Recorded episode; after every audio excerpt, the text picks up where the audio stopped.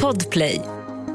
Välkomna till podcasten Jägaren med mig Daniel da Silva.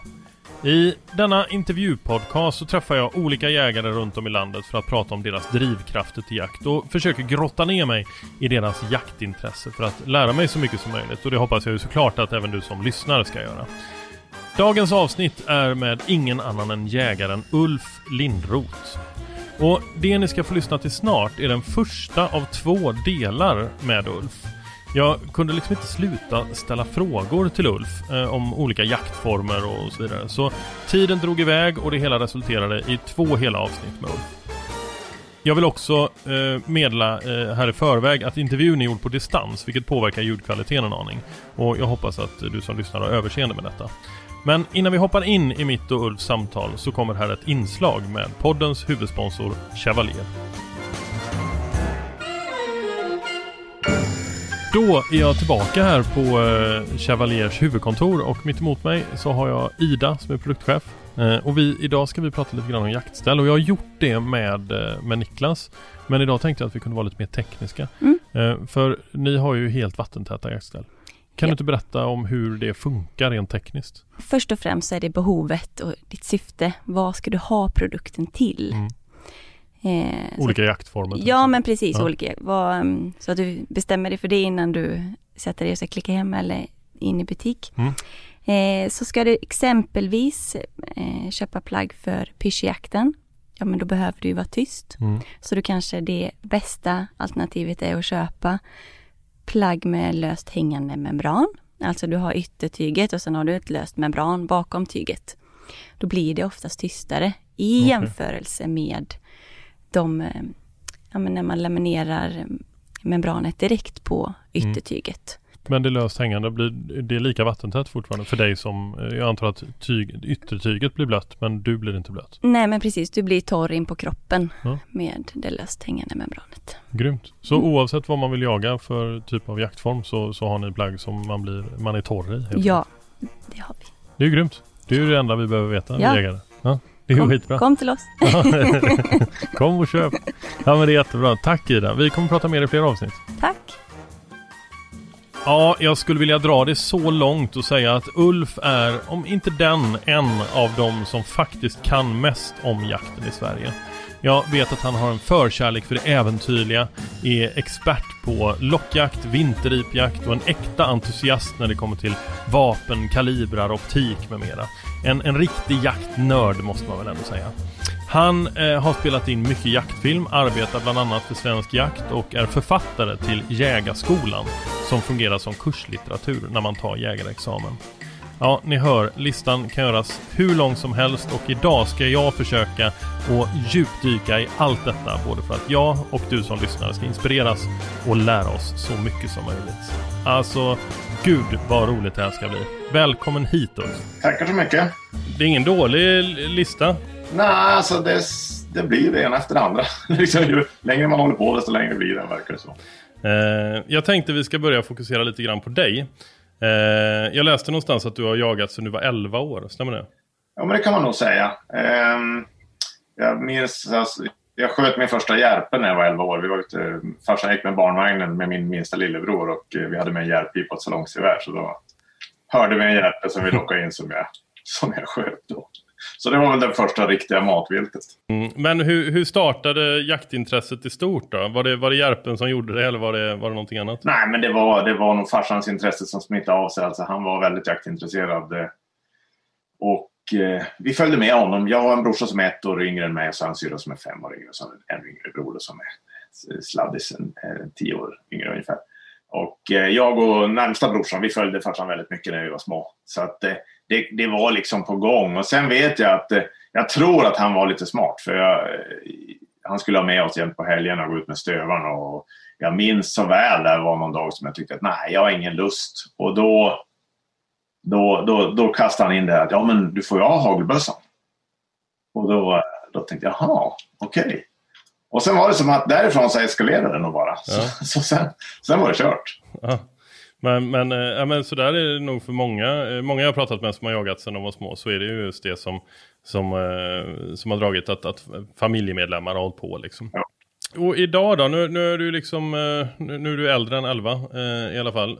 Och du har jagat i en herrans massa år. Vad, vad känner du själv, varf, varför jagar du? Vad har du för drivkrafter bakom? Vad är det som, som gör att du gång på gång, dag efter dag, fortsätter med detta intresse? De första 10-20 åren, då var det nog, eh, alltså, då, det var bara, jag ville, jag ville ut och jag ville försöka få den där tjädern eller den där haren eller räven eller vad det nu Mm. var. Liksom. Det var, det var så här, man kunde nästan se den framför sig bara, jag vill, jag vill, jag vill och så Ja. ut. Ja, det var nog väldigt instinktivt egentligen. Det är väl antagligen så jaktlusten triggar. Men, men eh, nu är det mer så här att ja, men det är en del av året. Liksom. Är, det, är det februari, mars, ja, men då vill jag vara ute på fjället eh, och, och, och liksom leta efter ripor. Och, känna på lite sol och lite snöstorm och lite sådär. Det är liksom en del av året. Och, och sen går det sådär och vissa jaktformer eh, är inte lika spännande som de var då. Alltså det är ju tyvärr så att första gången man skjuter ett vilt av slag så är det vansinnigt spännande. Sen är det ju så att man skjuter ju aldrig det första något mer och det blir ju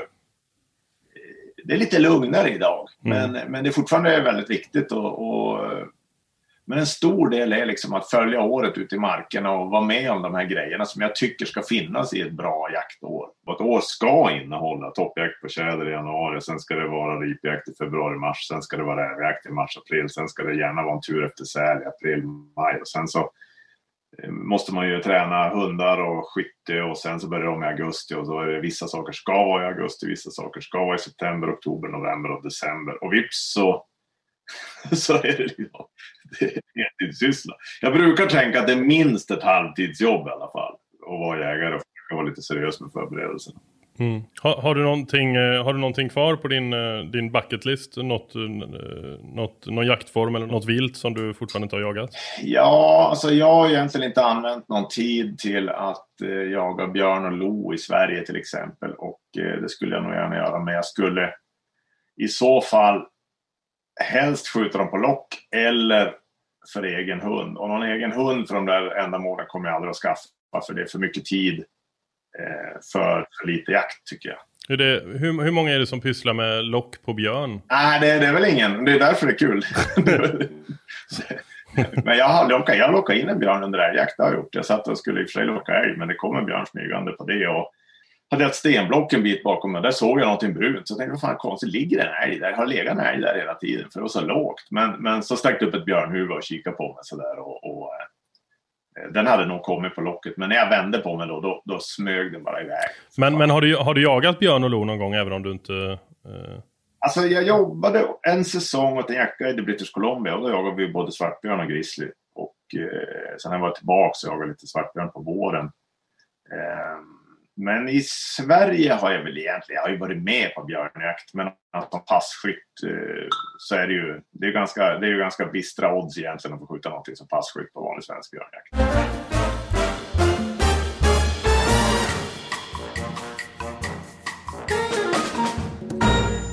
Vi snackade lite innan intervju där och då sa du att du, du självklart fortfarande håller på med liksom traditionell klövviltsjakt. Eh, så, men att du mer och mer kommer in på det lite mer äventyrliga. Eh, Var, varför har det blivit så tror du?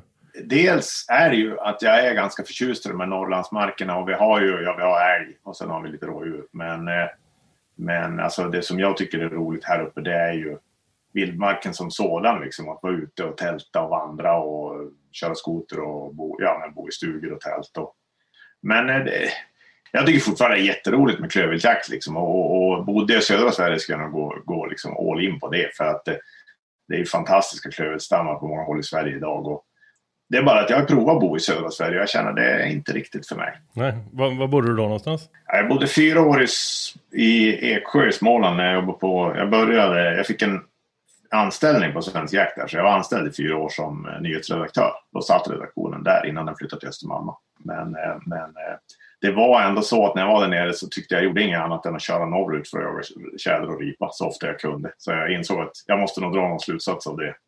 Eh, så jag är, eh, jag är faktiskt inte hemma så mycket heller. Jag är, jag är borta mer än jag är hemma. Och eh, Ja, det var inte helt lätt att få till, få till den här träffen för, för podcasten. Eh, jag hoppas att eh, lyssnarna eh, kan godta ljud, ljudkvaliteten. Eh, Ulf är uppe i norra Sverige och jag befinner mig i Göteborg just nu så vi kör via länk. Eh, alltså du, du har skrivit Jägarskolan, det är kurslitteratur för, för när man tar examen. Eh, det är ju, eh, alltså det måste varit ett jätteprojekt och ett extremt ansvar också. Att ha en faktagrupp som, som Jägarförbundet har satt ihop då, liksom, det var ju verkligen handplockat från hela landet. En, en mindre grupp som, som kunde allt från praktisk jakt till forskning till, till allting. Liksom. Och, och, ja, det gjorde ju att jag kunde ju, om jag inte var tvärsäker på någonting så kunde jag nästan chansa lite grann. Och sen så styrde projektgruppen upp mig bara, äh, äh det där, det där får du ändra.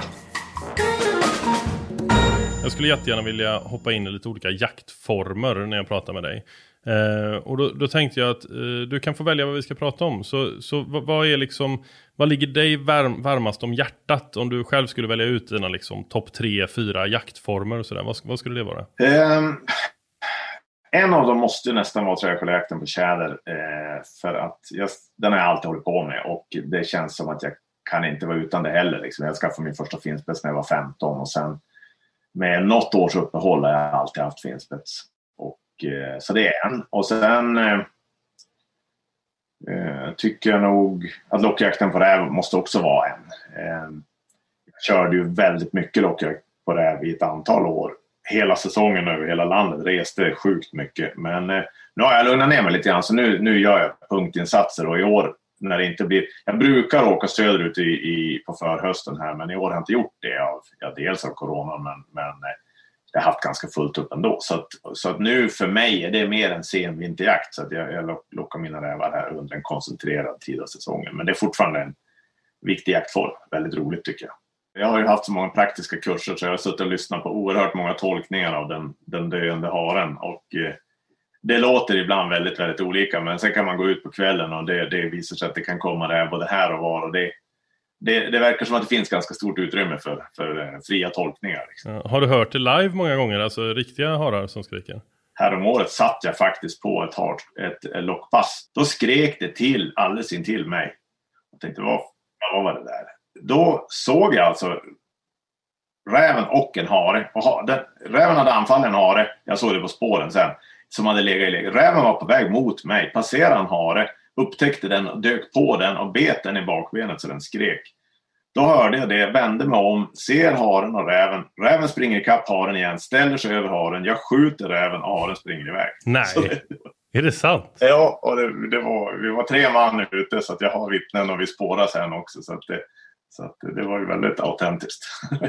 Men jag tror tyvärr att räven hade bitit den ganska hårt för det var rätt mycket blod när han stack iväg. Men han stack iväg så man kan ju alltid hoppas.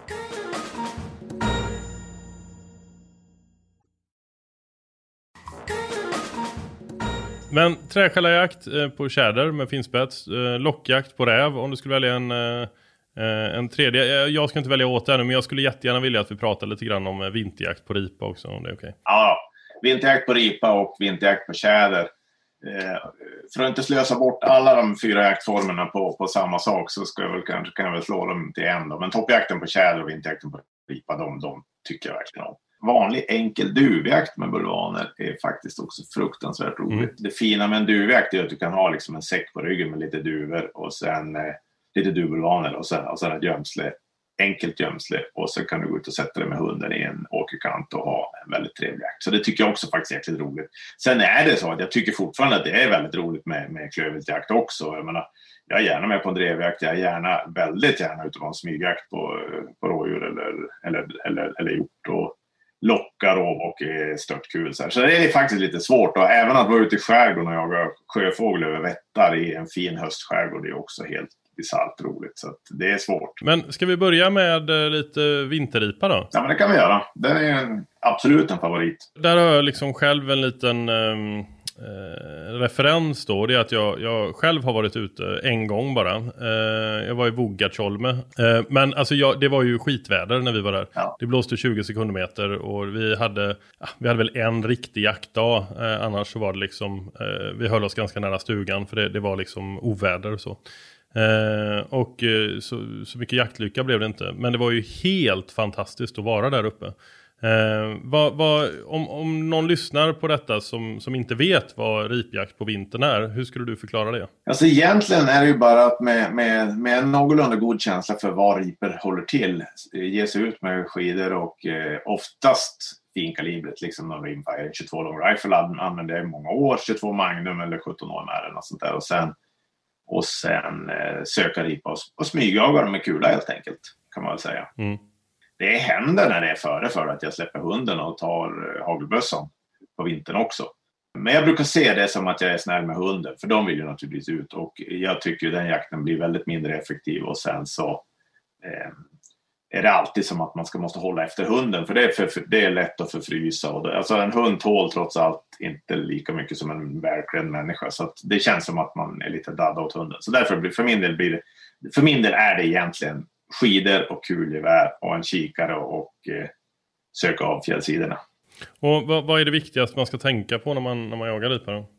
Ja, det som egentligen kanske är mest avgörande det är ju att man är i ett område där det finns ripa. Och eh, då kan man tro så här, men jag är ju i fjällen, där finns det ripa. Och, och, det kan väl ligga någonting i det på hösten. Men på vintern så blir det ju eh, tomma områden och områden med koncentrationer. Så att man måste liksom ha en liten, liten känsla för att man inte bara åker upp och så åker man ut på fjället. För om man åker ut på fjället och det är vitt så långt man kan se åt alla håll, då kommer man inte att hitta några ripor och då, då, då blir det inte mycket till jakt. Och vad, vad letar du efter i biotopen för att eh, liksom, om du är på en eh, jag antar att du jagar mycket på marker som du eh, verkligen känner till. Men om du kommer till en ny mark eh, där du inte har varit innan. Eh, vad, vad, letar du efter i, i naturen? Eh, jag letar efter strukturer, alltså i, i höjd. Det kan vara ryggar, raviner, allting där vinden har en chans att blåsa, blåsa bort snön så att riporna kommer åt eh, ris på backen.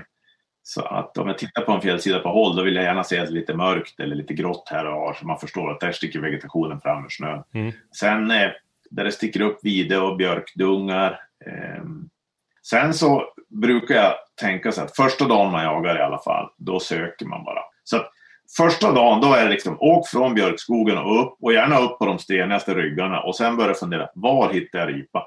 Och sen fortsätt söka på den nivån. Väldigt många bra ripjaktsdagar där man egentligen inte har hittat en ripa förrän vid lunch och då hittar man första ripan och sen hinner man ändå ha jättebra dagar för att eh, när man väl har börjat hitta dem, då har man oftast löst problemet. Har, har, du, när du är ute sådär, har du liksom vissa dagar, hela bomdagar liksom? Eller bom kanske man inte säger, men alltså när du inte ser, knappt ser en ripa? Ja, men det är väldigt sällan. Du får följa med mig någon gång så får du känna hur det känns. ja, ja, ja men, men, men jag gör så. Jag, har, jag, ju, jag brukar tänka så här, jag vill ha ganska många jaktdagar och jag brukar tänka, alltid brukar tänka så här när jag jagar både ripa och tjädrar om jag lägger ungefär hälften av tiden i områden som jag vet är bra och hälften av tiden på att upptäcka nya områden som borde vara bra. Då håller jag mig med eh, områden som, eh, liksom, då hittar jag något nytt då och då och sen så får jag de här eh, hemtama områdena, där hittar jag oftast någonting. Och ibland hittar jag jättemycket. Men, men det är väldigt sällan jag hittar noll, det måste jag säga. Jag, jag kan inte riktigt på rak arm påminna mig en ripjaktsdag där jag inte hittat några ripor i modern tid. Vad skulle du säga är de vanligaste misstagen som folk brukar göra? Ett är ju det där att bara tänka om jag ska vara på fjället och så åker man, här är fint att åka skidor och så åker man skidor över stora vita snöfält. För det kan jag säga, ser jag ett stort vitt snöfält då är min enda tanke hur ska jag ta mig härifrån? Liksom, var händer det någonting i terrängen? Och, och, och, dit vill jag omedelbart för att varje timme jag lägger ute på fin skidåkning den är bortkastad. Jag åker sakta och spanar mycket. Jag stannar och jag kikar spanar och jag kikar spanar och kikar spanar och kikar spanar. Och då, då, tycker jag liksom att är du i ett bra område, du kanske hittar lite ripspår och sånt där. Om du bara är noga med att spana, åka, titta bakåt. Har jag åkt förbi någonting? Spana, spana, spana, spana.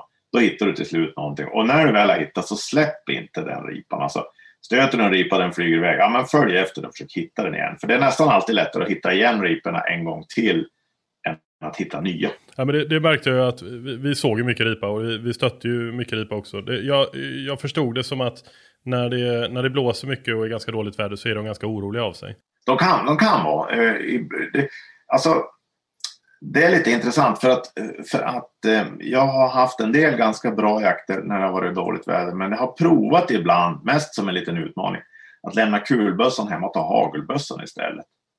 Och så går man mot vinden och jagar lite grann för sig själv. För det är lättare att överraska dem. De är, det är väl därför de är lite nervösa. Men det är ändå ganska vanligt att du kommer nära för de har inte sett det. Så kommer du bara upp över ett litet krön och så är de på bra håll. Det här var nästan tråkigt för mig att höra för det här med dåligt väder var min enda ursäkt till att det var, att det var svårt att jaga. Vet du. Ja, och sen kom jag faktiskt på en sak till när du säger att ni såg ganska mycket ripa. Då, då, då, ska jag, då kom jag på en sak till som jag sett folk göra ofta fel och det är att man börjar i björkskogen och så börjar man se mycket ripa, då följer man efter dem. Men det är dalripa. Ja.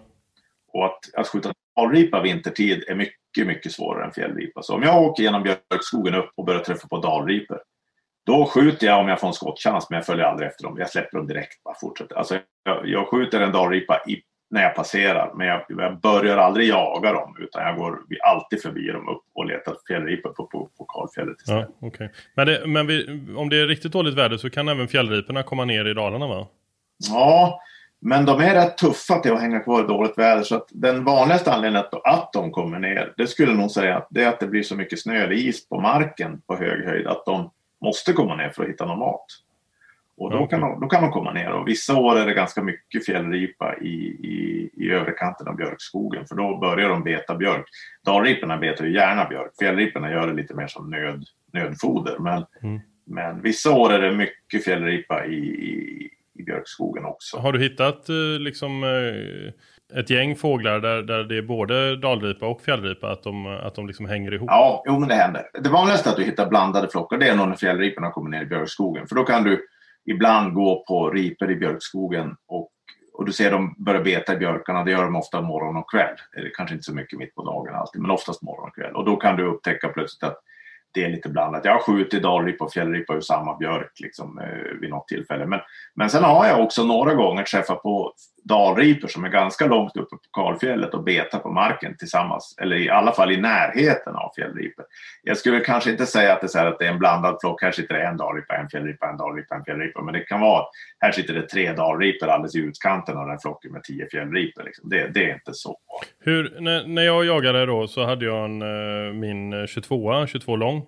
Ja. Eh, vilket gör att, eller jag, jag var ju liksom tvungen att komma hyfsat nära. Ja. Eh, och jag, jag, tror att mm, han jag jagade med hade en 221 eh, Fireball. Ja, just det. Heter den så? Ja. ja. Eh, och det är nog en klass 3-bössa tror jag va? Ja, jajamän. vad brukar du jaga med idag? 17 HMR. Den är lite flackare och lite mindre vindkänslig än 22 Magnum också. Så den är väl på väg upp mot 221 Fireball. Jag bygger en 221 Fireball-pipa nu. Eller jag fixar en pipa till min R90, Blaser R93. Men, eh, kommer, kommer du jaga ripa med den tror du? Ja, det kommer jag göra. Absolut. Men jag tror, inte, jag tror inte jag kommer använda den så mycket. Det är inte därför jag bygger den egentligen. Utan jag bygger den Möjligen för att använda den lite på tjäderjakt egentligen och kanske lite räv.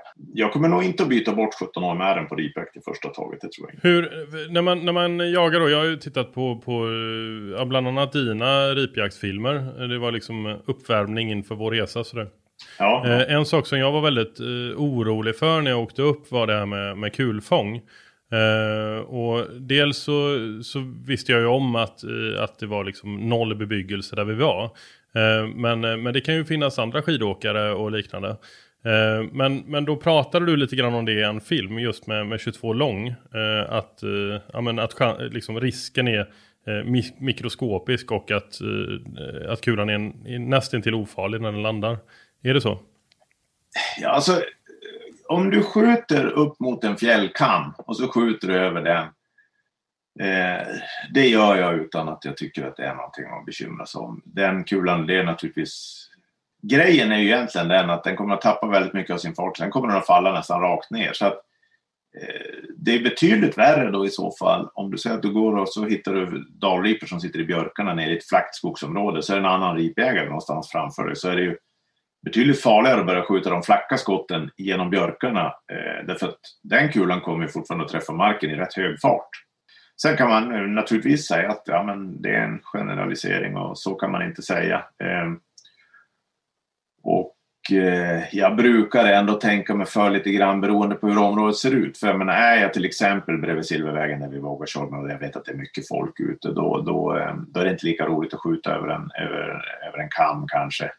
Men om jag är på en del ställen dit jag åker med skoter och det är väldigt långt att ta så jag vet att ja, men, det är inga skoterspår, jag hör inga, inga skotrar, jag hör ingen folk, jag hör inga skott, jag hör ingenting. Då, då eh, I de allra flesta fall har jag ju inte ens en, en person inom, det, inom den räckvidd som kulan Nej. har. Vi, vi, var, eh, vi hyrde skoter på Vågatsholm med fjällbyn där och så var vi vi hade en stuga som låg två mil tror jag, eh, på andra sidan den stora sjön. Jag kan ju inte området som, som du då.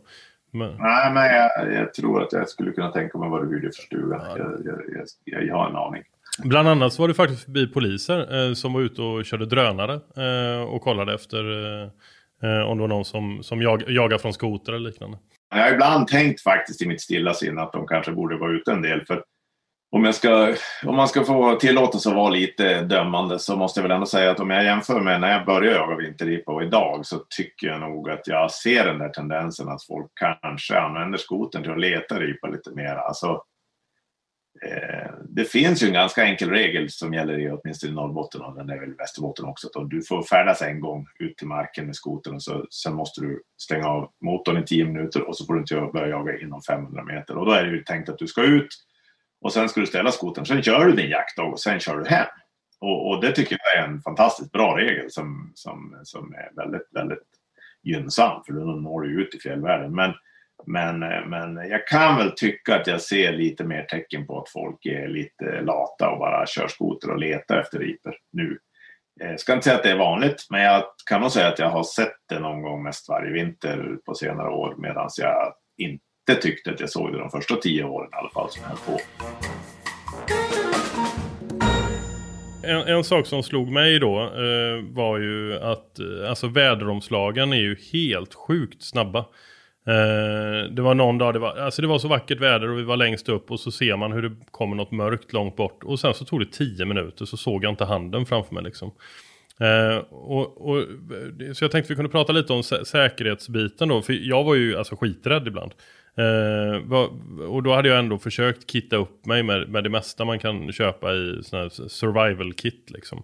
Men, men vad, vad går du aldrig utan när du, när du är ute i fjällen så? Jag brukar ha en spade i ryggcykeln och så har jag förstärkningsplagg. Eh, och sen har jag ja, men, ganska mycket dryck med mig. Eh, varm dryck och lite choklad och sådär. Men, men jag, jag brukar nog i mitt stilla sinne tänka mig att med förstärkningsplagg och en spade så kommer jag ganska långt. Det är väl kanske lite optimistiskt. Man borde väl ha en vindsäck antagligen och sådär. Men, eh... ja, jag, det var det jag trodde du skulle svara massa sånt. Men det var, svaret var liksom eh, en, en chokladbit och en spade. ja, ja, ungefär. Ja, det faktiskt. jag, jag hamnade i någon sån där lite stormsituation någon gång. Men, men då hade vi en vink från väderrapporten på morgonen att det var misstänkt att det skulle komma en storm. Så jag minns, det var, blåste som fanken på morgonen, tidigt på morgonen. Och då tänkte vi, ja men nu är det stormen liksom. Och sen så vid kanske nio på förmiddagen, då lugnade det sig så blev det klart och fint. Så jag tänkte, ja men det där var, det där var den här blåsvädret de varnade för, tänkte vi. Och så får vi ut åt alla håll, för vi bodde, vi var nog åtta man uppe i ett par stugor då. Mm. Och sen eh, hade, hade jag väl gått några timmar kanske. Då såg jag att det var som en mörk vägg på, mot norska sidan. Och sen eh, fick jag syn på riper i en liten svacka. Så jag gick ner i en annan svacka och så kom jag upp över ett krön där jag skulle se de här riporna. Och då mötte jag stormen. Alltså det var helt bisarrt. För då kunde jag plötsligt inte se någonting. Eh, och då kom det riktiga blåsvädret. Men, men då hade jag ändå haft en känsla av att det är något lurt på gång. Så jag hade en sån där eh, lite, lite, en liten nödplan som sa mig att om det skulle börja blåsa som fan, då ska jag dra mig ner i en ravin här intill och så ska jag följa den ner, för då visste jag också ungefär, i och med att jag kände terrängen, så visste jag att jag kan följa den ravinen utan att falla ner i någon jäkla bäck eller något. Utan. Så jag for ner i min ravin och så följde den. Så tog jag kompasskurs rakt norrut över den första sjön.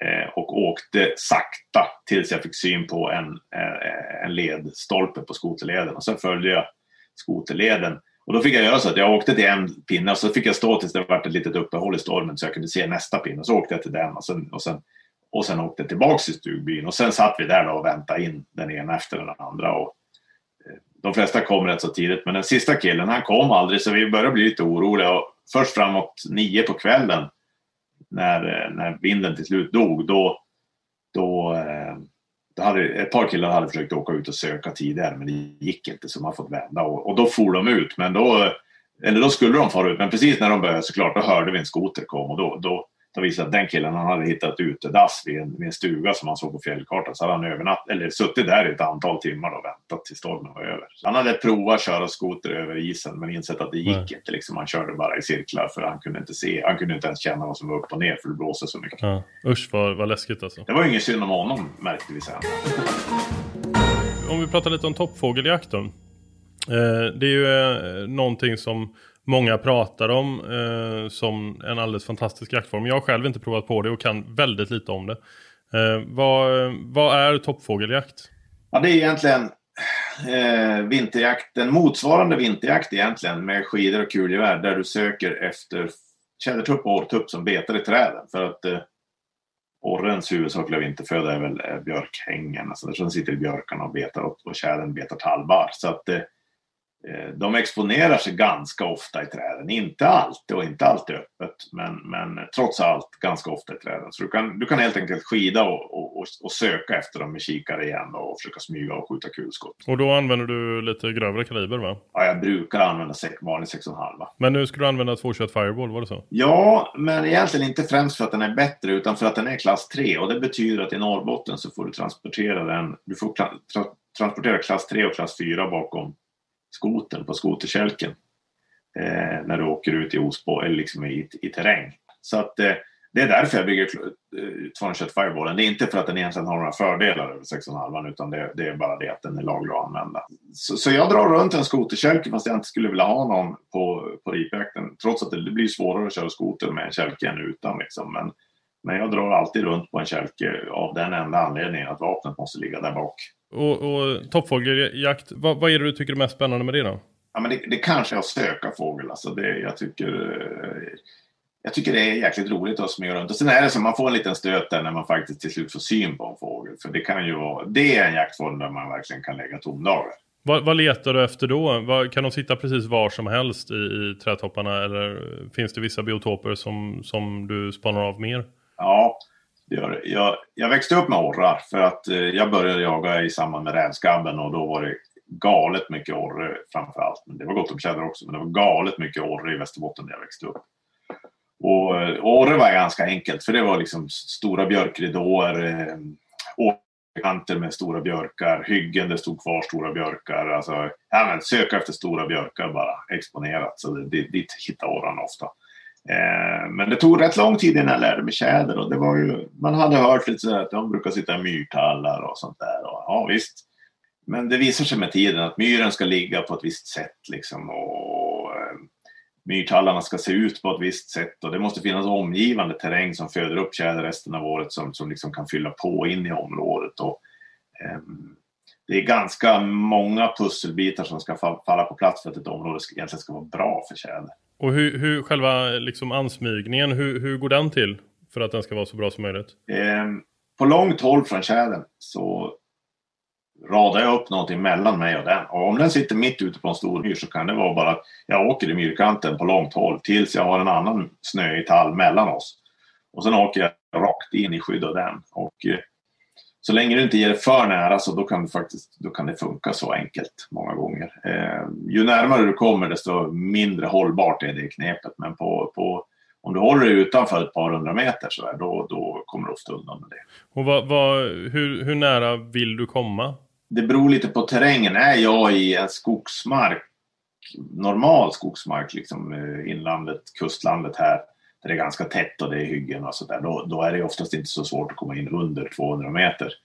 Eh, men i de här fjällskogarna där jag ofta jagar, det är väldigt glest mellan tallarna, där, där är jag nog ganska nöjd om jag kommer in på 250. Men då har du eh, liksom ett, ett sikte så att du kan ställa in? Ja, alltså jag har, jag har ju en, jag kan ju klicka på kikarsiktet för avståndet, det har jag. Men där, där har jag ju sett att du håller på med dina små, små uträkningar och små, små skisser på, på allting. Ja, alltså, de små skisserna egentligen, alltså jag har ju kört dem mycket med, med liksom hur stor är en tjäder i riktmedlet och hur stor är en räv i riktmedlet. Och, och det använder jag mycket förut. Nu är det ju ändå så att avståndsmätaren gör ofta grovjobbet och sen har jag en tabell där det står hur många klick måste jag ta för ett givet avstånd. Och, och, eh, och sen så kontrollräknar jag det ändå när jag kommer till ett nytt område. Säger att jag har varit skjutit in vid kusten och sen åker jag upp till fjället. Då, då kollar jag lufttryck och sånt där. Och sen kör jag ett ballistikprogram och då jämför jag. Vänta nu, jag måste ändra den här tabellen lite grann. Då gör jag det i förväg. Men så vet jag att under de förhållanden som är idag, då är det på, på 270 meter, då ska jag klicka så här mycket. Liksom. Det, det, och, och är grejerna noga trimmade så då stämmer ju det.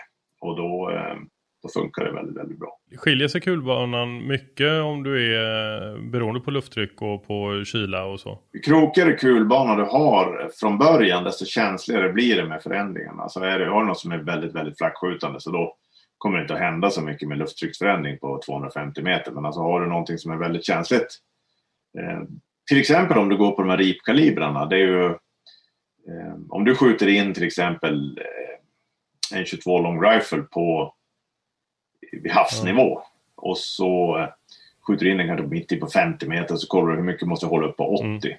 Då är det inte säkert att det stämmer så bra om du kommer upp på, i högfjället i, i tunn luft för då kommer du antagligen att träffa högre på 80. Å andra sidan är det kanske kallare och då träffar du lägre. Så att, man måste prova sig fram lite grann. Både temperatur och lufttryck spelar trots allt en, en märkbar roll.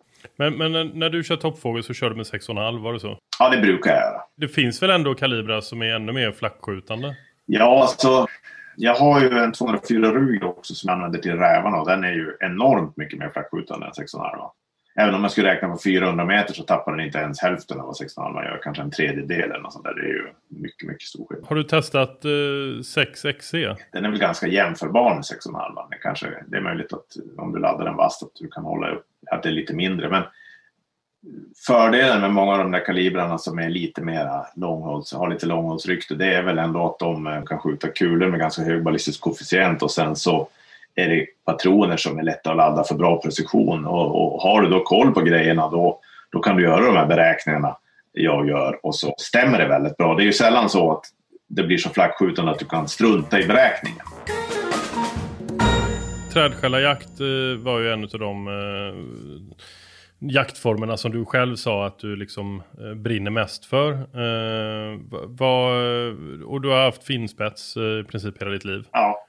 Vad är, vad, är, vad är charmen med träskällarjakt tycker du? Ja, en är hundarna i sig. Alltså, de är ju väldigt, eh, det är väldigt ursprunglig jakthund. Liksom. Och jag har ju en Forster också. Skillnaden mellan de två är ju att en finspets behöver ju egentligen ingen dressyr.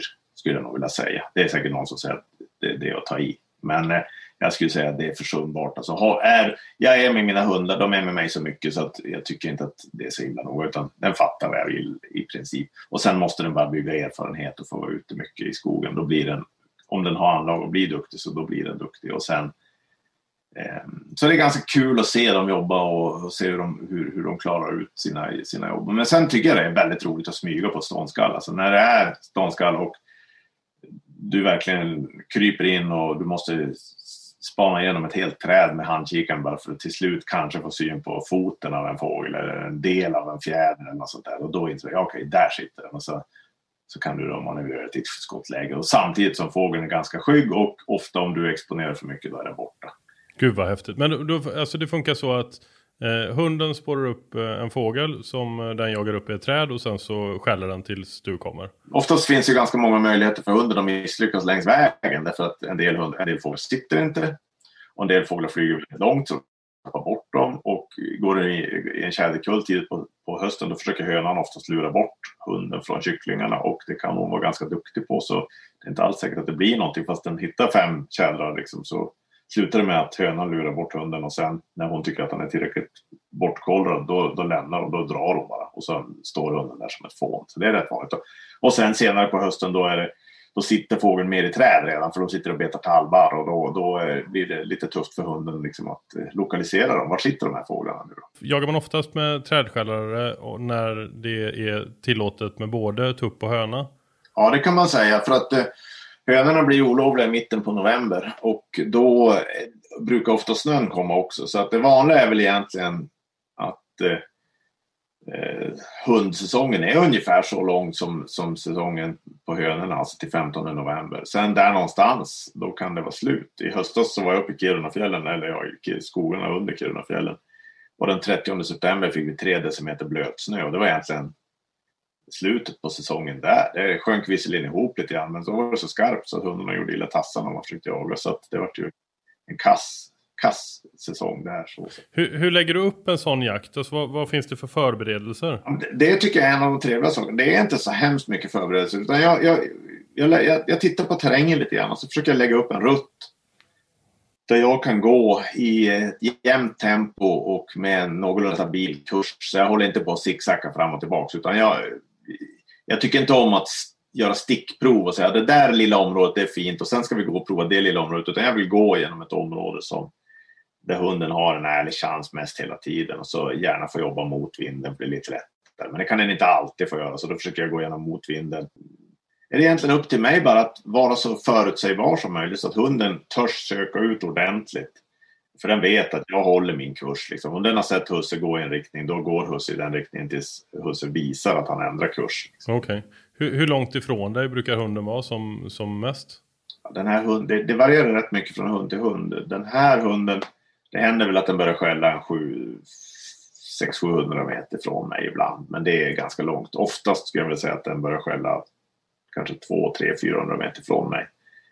Ehm, den förra jag hade den var sällan utanför 200 meter och det var faktiskt ganska dåligt. Men jag kunde, den, det var som att den släppte aldrig mig. Så att jag kom, det var så var det hela livet. Den, den jobbade i närområdet och, det, och då fick man anpassa tekniken. Då får jag eh, söka mig rakt mot de områden som jag tror är bra och så får jag gå i skydd så att, så att jag, så fågeln inte upptäcker mig för hundarna hittar dem. För att om fågeln upptäcker mig då är den körd. Alltså om, om, om, om fågeln har sett människan först så kommer den aldrig att sitta för hunden, ska jag nästan säga. Får, får du fortfarande puls när hunden börjar skälla? Ja, men jag önskar att jag fick lika mycket puls som jag fick från början. Alltså jag, det var ju febrigt när jag, var, när jag började. en sak som jag märker nu det är ju liksom att det är ganska kul att ta med kompisar och byta så här och liksom låta någon som, som kanske inte har gjort det så många gånger få prova och så där. För man ser ju att folk tycker det är spännande och det, det är rätt kul. Eh, de första åren jag höll på med, då var jag nog ganska självisk. Alltså jag, jag eh, hade oerhört svårt att stå ut med att folk skulle få in och göra chanser och klanta bort ett ståndskall för att de skulle prova. Liksom. Det hade jag inte tålamod med. Men det är, väl, det är väl många som säger det eh, oavsett jaktform. att eh, eh, Många som jag träffat som är, som är väldigt erfarna. att det, det som de tycker är roligast nu det är faktiskt att ha med sig någon som är ganska ny.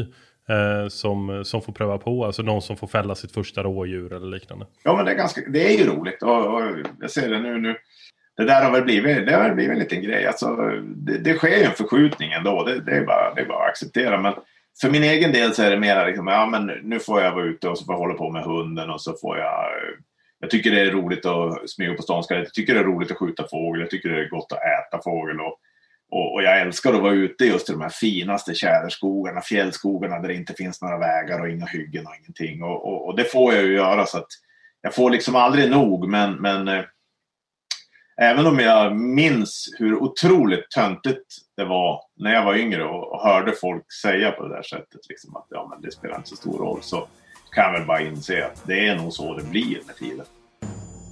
Och där mina vänner så sätter vi faktiskt punkt för del 1 eh, i denna intervju med fantastiska Ulf. Tack alla som lyssnar. Eh, det ni hörde var ju då första delen av två med Ulf. Så redan nästa torsdag så kommer nästa avsnitt där Ulf fortsätter att dela med sig av sina kunskaper. Och det avsnittet hittar ni som vanligt på Podplay eller där poddar finns. Podplay, ja det är ju alltså en ny podcastplattform. Eh, och där hittar ni inte bara vår podd utan en massa andra poddar. Så gå in och lyssna där, antingen på podplay.se eller i appen Podplay. Vi hörs om en vecka. Hej!